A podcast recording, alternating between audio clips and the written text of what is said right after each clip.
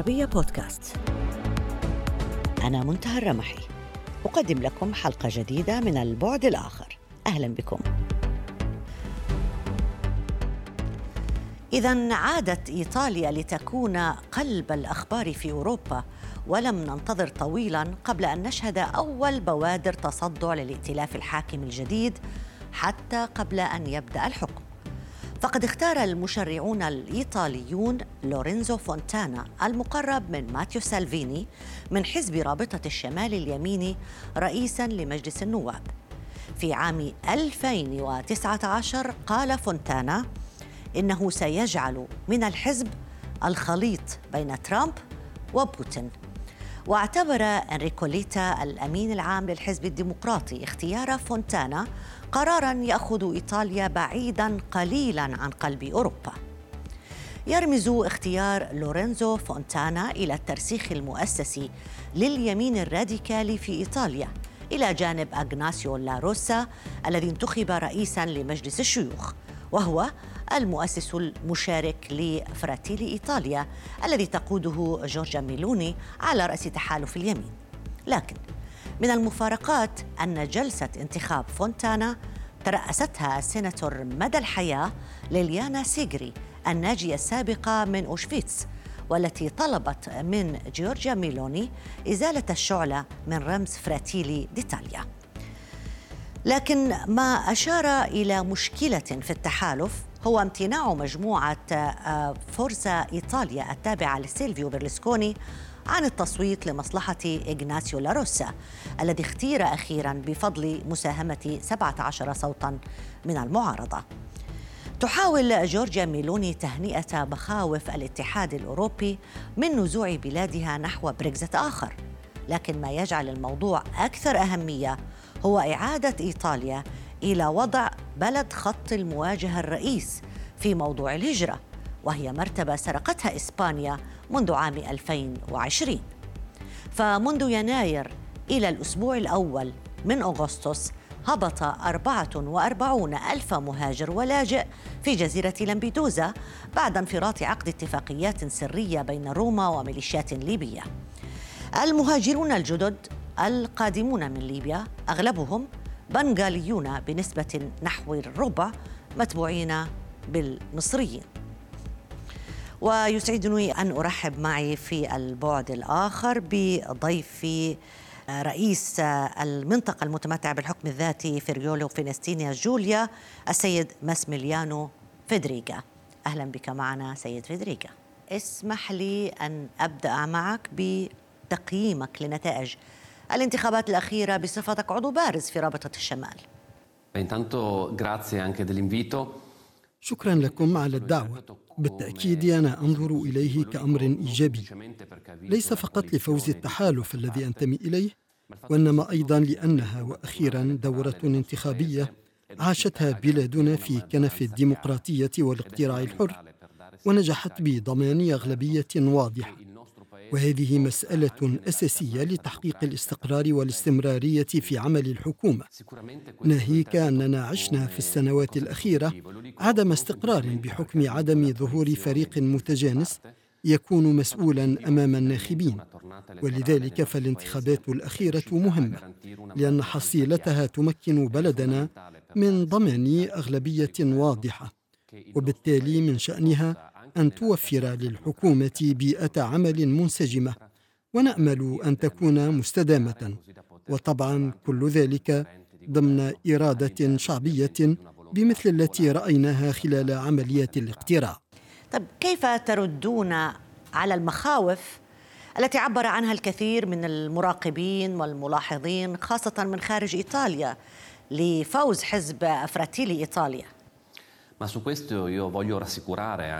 هذه هي النقطة وأود أن أشير هنا أنه بالنسبة إلي هي تأكيد مجدد ورسالة للمجتمع الدولي بأن إخوة إيطاليا فراتيلي ديطاليا هي قوة سياسية تحكم مع قوتنا السياسية في العديد من مناطق البلاد وحتى في المنطقة التي أديرها هي جزء من الأغلبية.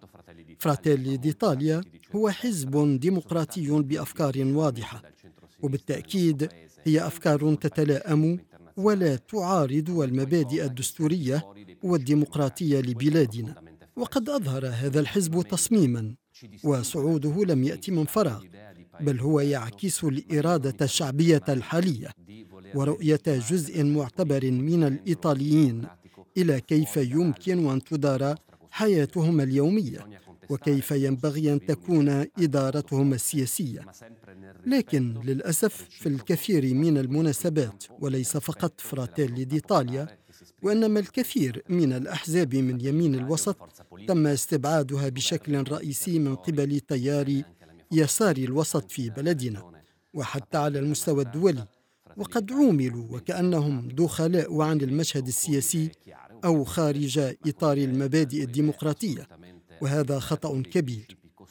قد يتميز هذا الحزب عن تيار يسار الوسط فيما يتعلق بنظرته لشكل الوطن وذلك حقه الشرعي وحق الجميع ما داموا يمارسون العملية السياسية في إطارها القانوني والديمقراطي.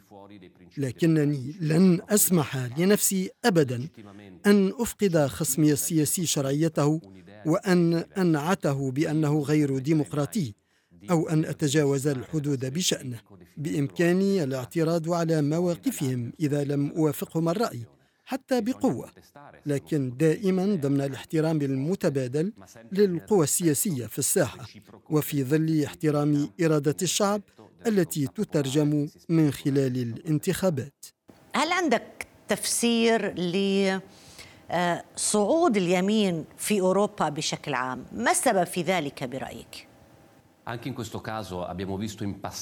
حتى في هذه الحالة شاهدنا في الماضي كما اليوم تناوبا بين القوى السياسية التي حكمت دولا أوروبية مختلفة. ولست أوافق حقا على التنظيرات التي تتحدث عن صعود موجة يمينية أو من اليمين المتطرف. مثلما كنت في بعض الأوقات لا أوافق على كلمة صعود تيار يساري أو موجة يسارية. أقول ذلك انطلاقا من معرفة كوني أنتمي لقوة سياسية تشكل جزءا من يمين الوسط. لكنني لا أعتقد أن هناك احتمالا بتصويت كل الشعوب الأوروبية لليمين الوسط أو اليسار الوسط. هناك موضوع مثير الحقيقة الحديث فيه في مختلف الدول الأوروبية وهو موضوع الهجرة. الهجرة تمثل تحدي كبير خاصة في إيطاليا. في الحقيقة أصلا ما كان يعرف عن الإيطاليين أنهم شعب مهاجر ويرحبون عامة بالأجانب أولا هل تعتقد أنه تغير هذا الانطباع؟ وإذا تغير هذا الانطباع عند الإيطاليين ما أسباب هذا التغير؟ أنا لا أعتقد أن قدرة بلدنا على الاستقبال تغيرت وأنا متأكد من أن إرادة الاستقبال مؤكدة من الحكومات المتعاقبة لكن الفرق الذي يميز الحكومة الحالية اليوم هو التمييز بين هجرة شرعية وأخرى غير شرعية. خطأ كبير الخلط بينهم وهو خطأ جسيم يحدث بحق من يأتون إلينا بشكل شرعي ويندمجون في بلادنا. المشكل ليس في شخص مهاجر أو غير مهاجر المشكل يكمن بين من يحترم المعايير والاتفاقات والمعاهدات الدولية والحدود ومن لا يحترمها. التمييز يجب أن نقوم به على هذا الأساس وإلا فإن الخطاب سيصبح خطيرا.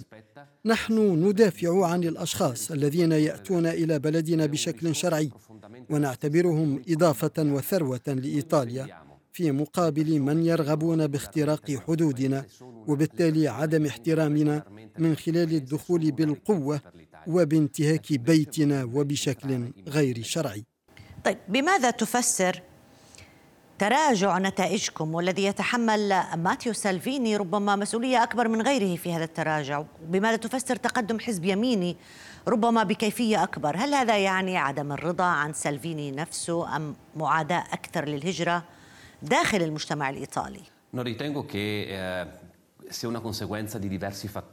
أعتقد أنها نتاج عوامل مختلفة بالتأكيد وذلك يثبت أن الأمر يتعلق بنتيجة طبيعية لسير الأمور في إيطاليا.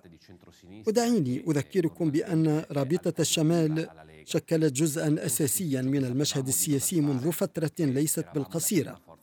وأنها كانت جزءا من هذه الحكومة كما كانت جزءا من الحكومة السابقة والتي بنيت على تحالف موسع ينضوي تحته أيضا يسار الوسط نفسه والذي ينتقده الكثيرون ويقولون أنه يفترض أنه بديل للرابطة لكن أيضا كان لدينا إدراك كامل بأن ذلك سيجعلنا ندفع ثمنا على المستوى الانتخابي وهذا ما حصل. لكنني متفائل بالنسبة إلى المستقبل. لأننا رأينا في بلدنا في عدة مناسبات الصعود المفاجئ والنزول المفاجئ أيضا لمجموعات سياسية وأحزاب بحيث يمكن أن تخبو ويمكن أن تعود للنهوض مجددا وفقا واعتمادا على حسن أو سوء الإدارة. اسمح لي أن أبقى بموضوع الهجرة قليلا. هناك فيديو اعتبره الأجانب مستفز جدا. وهذا الفيديو الذي ظهر فيه ماتيو سلفيني تحديدا يحاور صبيا تونسيا مهاجرا. لا أعرف إن كنت تذكر هذا الفيديو أم لا لكن كيف تنظرون للمهاجرين بشكل عام وخاصة أولئك القادمين من شمال إفريقيا؟ حضرتك حض... وجهت يعني تحدثت عن وجهة نظرك ولكن نريد توضيح أكثر. نحن لدينا الكثير من الأشخاص القادمين من شمال أفريقيا والذين أتوا إلى بلدنا واندمجوا وبشكل سلس ويعملون هنا ويفيدون المجتمع ويستفيدونهم كذلك. وهذه هي روح الهجرة. هناك معطى مهم وربما يتغافل عنه جزء من الإعلام رغم أنه واضح ولا يحتاج إلى براهين. اليوم المهاجرون الذين ينطلقون من شمال أفريقيا باتجاه إيطاليا لا يأتون أساسا من دول شمال أفريقيا وإنما من دول أخرى في القارة الأفريقية. ودعوني أذكر أيضا بمعطى يتم التغافل عنه. وخاصة من قبل من يحملنا مسؤولية الوفيات في عرض البحر. فعندما كان ماتيو سالفيني وزيرا للداخلية وأوقف بشكل كبير وصول المهاجرين غير الشرعيين عبر المتوسط. رأينا أيضا تراجعا كبيرا للوفيات في المتوسط وهذا ما تم إغفاله في جزء من الإعلام. لأنه في الكثير من الأحيان هذه الرحلات غير القانونية التي تعتبر رحلات أمل تصبح رحلات موت وهذا لا يمكننا بأي شكل من الأشكال السماح به هل لديك أي تصور للحد من الهجرة غير الشرعية؟ Io penso che dobbiamo lavorare su più eh, fattori. أنا أعتقد أنه علينا العمل على نطاق أوسع وأولا بشكل جماعي ومشترك على النطاق الأوروبي ويأخذ بعين الاعتبار مصالحنا وأيضا مصلحة المحتاجين حقا للهجرة. ويمكن أن يكون ذلك بأن نضع على ذمة المهاجرين مراكز يمكنهم من خلالها تقديم طلبات للحماية. أو إنسانية. ومن ثم يتم تقييم حق الأشخاص في الدخول إلى أوروبا بشكل قانوني ومنطقي وأخلاقي وبأسلوب حضاري ولاحقا عندما نحدد الأشخاص ذوي الأحقية نحن من نتولى تنظيم عملية دخولهم إلى أوروبا عبر رحلات آمنة وعبر برامج استقبال وتوجيه وإدماج. وفي نفس الوقت نبلغ من لا يحق لهم الهجرة وفقا للمعايير المشتركة بأنه لا يمكنهم دخول أوروبا. وأعتقد أن هذا أمر أساسي هو الذي وحده يمكنه أن يمنحنا القدرة على منح الأولوية لمن يستحقون. فبإمكانكم كما بإمكاننا اليوم أن نرى أن أولئك المغادرين انطلاقا من أفريقيا ليسوا هم الأشخاص الأضعف أو أنهم من يحظون بالأولوية في الهجرة أو أن ظروفهم صعبة حقا لدرجة أنه لا بديل لهم عن الهجرة وإنما هم أشخاص قادرون على دفع آلاف الدولارات لشبكات الجريمة المنظمة للقيام برحلات غير مضمونة وهذا وحده ما يجعلنا قادرين على أن نلتفت عندها إلى من يعيشون في أوضاع صعبة للغاية في أفريقيا. لاحظنا مخاوف من الاتحاد الأوروبي خاصة بعد تصريحات جورجيا مولوني. كيف تنظرون لهذه المخاوف؟ ما هو موقفكم أصلا من مؤسسات الاتحاد الأوروبي؟ Penso che l'Unione Europea sul questione immigrazione debba ripensare أنا أرى أنه على الاتحاد الأوروبي إعادة النظر في ملف الهجرة والتوصل إلى مبدأ تضامن بين دول الاتحاد. اليوم للأسف الوضع ليس على هذا النحو.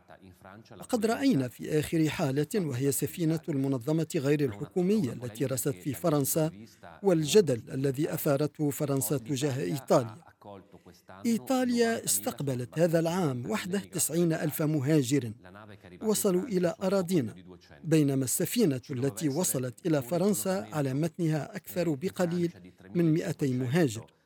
ووفقا للاتفاقات داخل الاتحاد الأوروبي كان يجب أن يتم نقل 3500 مهاجر قانوني من الذين وصلوا إلى إيطاليا باتجاه فرنسا لكنها لم تستقبل منهم سوى 100 تقريبا.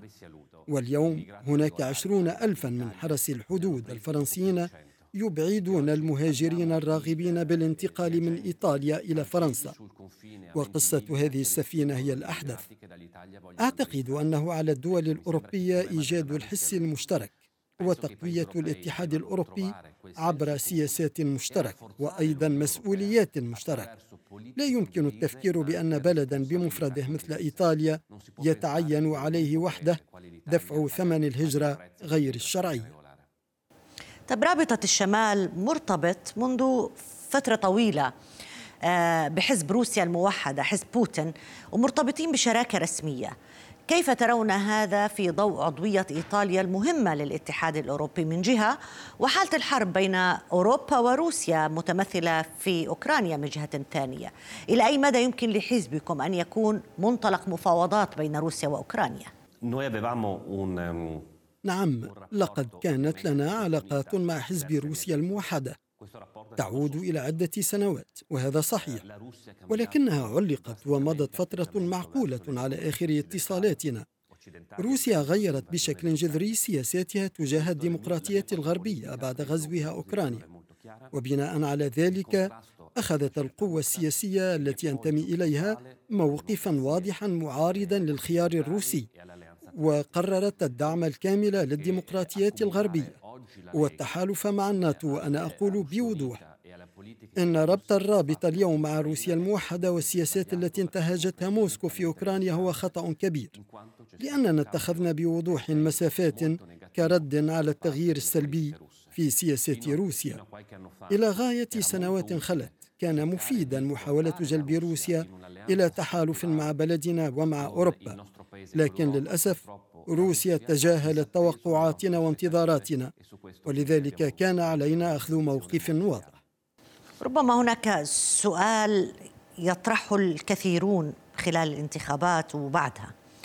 هل إيطاليا حقا قادرة ماليا وسياسيا على تحمل تكلفة تغيير مسارها المؤيد للاتحاد الأوروبي والناتو؟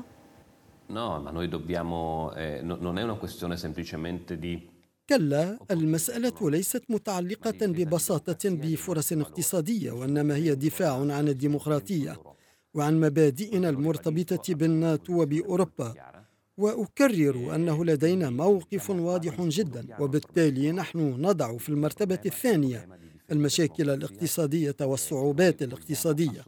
المشكلة هي الدفاع عن الديمقراطية التي نرغب بشدة في دفعها إلى الأمام. هذه أولويتنا. ولا يوجد شك في أن مهاجمة روسيا لأوكرانيا جلب مشاكل اقتصادية لكل أوروبا. ولذلك على أوروبا التجاوب كجسم موحد لتقديم أجوبة لمؤسساتها ولشعوبها. وهذا بالتأكيد بحاجة إلى آليات للأداء والقيادة. مبدأ الديمقراطية التي تميز قارتنا والتي لا تلتقي مع خيارات بلد قرر غزو بلد آخر حر مثل أوكرانيا. طيب حسب مجريات أول جلسة للهيئات التشريعية في إيطاليا يبدو أن بداية الانقسامات في التحالف الذي تقوده ميلوني ظهر أسرع بكثير هذه المرة. كيف ترون مستقبل هذا التحالف؟ في الحقيقة أقول أنني أرى اليوم تحالفا منسجما. كانت هناك نقاشات في تشكيل الحكومة لكنها أمر طبيعي وأود التذكير قبل كل ذلك بأن الحكومة تشكلت في أقصر الآجال عبر تاريخ الجمهورية الإيطالية. الرئيسة ميلوني لم تجري حتى المشاورات ورغم ذلك في اليوم الموالي تسلمت مهامها وقدمت فريقها الحكومي. وبدأ هذا الفريق بالعمل لذلك أنا متفائل. والهدف الذي يجب أن يكون هو الاستمرار لخمس سنوات وحكومة لخمس سنوات وأغلبية لخمس سنوات. بعدها عندما تأتي الانتخابات سيكون على المواطنين. تقييم ما إذا كان التحالف قد حكم بشكل جيد أم لا وسيقررون كيفية التعبير عن أصواتهم هكذا يحدث في كل الديمقراطيات وأتمنى أن تحافظ إيطاليا على نفس المبدأ لأن عدم استقرار الحكومات لم يسمح باختبار السياسيين في الميدان لوقت طويل طب ماذا عن رابطة الشمال نفسها؟ ما هي الدروس التي تعلمها الحزب بعد الانتخابات الأخيرة؟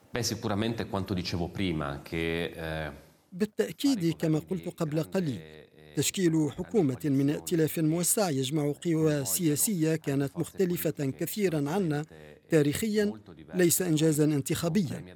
لكن على الجانب الآخر أعتقد أن هذه التجربة أظهرت أن الرابطة هي حزب لا ينظر فقط إلى المصلحة الانتخابية ولا تقوده المصالح الانتخابية فقط وإنما ينظر لما يجب أن يقدم للبلد وما هي التضحيات التي ينبغي أن يقدمها وهو حزب يعرف كيف يضحي.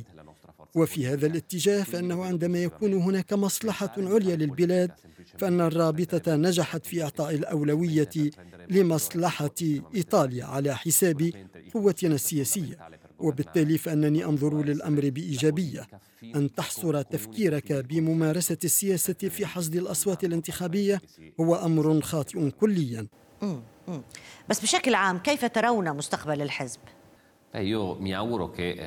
أتمنى أن تصبح الرابطة أكثر قوة وحتى عبر هذا البرنامج الذي أطلقناه منذ سنوات ليس فقط في جزء من البلد وإنما لكل إيطاليا وهو مشروع يعطي الأهمية لاستقلالية عدة أقاليم. وينفذ ما ورد في دستورنا من تأكيد على استقلال عدة مناطق وهذا سيعني ليس فقط تعزيز القدرة الشرائية وإنما أيضا النجاح في تعزيز الخدمات المقدمة للمواطنين عبر توافق موسع للمرور من الدولة المركزية إلى المناطق. طيب سؤالي الأخير سيد فيدريغا من فضلك. كيف أو تعرف المنطقة التي ترأسونها بأنها المثال الذي يحتذى به في كيفية الحوكمة وتحقيق النمو؟ ما هي الوصفة لذلك في بلد غير مستقر سياسيا وحتى اقتصاديا مثل إيطاليا؟ نعم بإمكاني أن أقول أن فريولي فينيتسيا جوليا المنطقة التي أرأسها هي المنطقة التي نمت بشكل أكبر وخاصة على مستوى الإنتاج الزراعي خلال 2021 وهي الأعلى نموا في كل إيطاليا. وهي المنطقة التي شهدت استقطابا أكبر للاستثمارات الأجنبية. اليوم لدينا العدد الأعلى للعاملين منذ أن بدأت الإحصاءات الوطنية حول شغل مواطن العمل.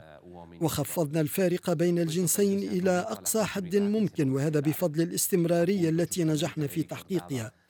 وكما ذكرت كان هناك عدم استقرار في البلد لكن هنا الوضع مختلف لأنني كرئيس منتخب مباشرة من المواطنين وولايتي مدتها خمس سنوات فإن هذا يسمح لي بتفعيل قرارات على الميدان لصالح منطقة ما. إلى جانب ذلك نحن اليوم نمتلك قدرة على التعامل مع كل دول وسط وجنوب أوروبا انطلاقا من ميناء تريستي وكل بنيتنا التحتية وشبكة علاقاتنا مع كل أوروبا. فريولي فينيتسيا جوليا تمثل فرصة لكل تلك الدول. ونحن نستقبل الكثير من الاستثمارات من المانيا والنمسا والمجر وأيضا تاتينا استثمارات من وراء المحيطات لانهم يرون الفرص في فريولي فينيتسيا جوليا لتوسعه استثماراتهم وتعزيز شبكه التعاون اللوجستي الدولي الرئيس ماسيميليانو فيدريغا شكرا جزيلا لك على المشاركه معنا في البعد الآخر الف شكر وإلى هنا تنتهي حلقة اليوم من البعد الآخر. يمكنكم دائما متابعتنا على مواقع التواصل الاجتماعي تويتر فيسبوك ويوتيوب. إلى اللقاء.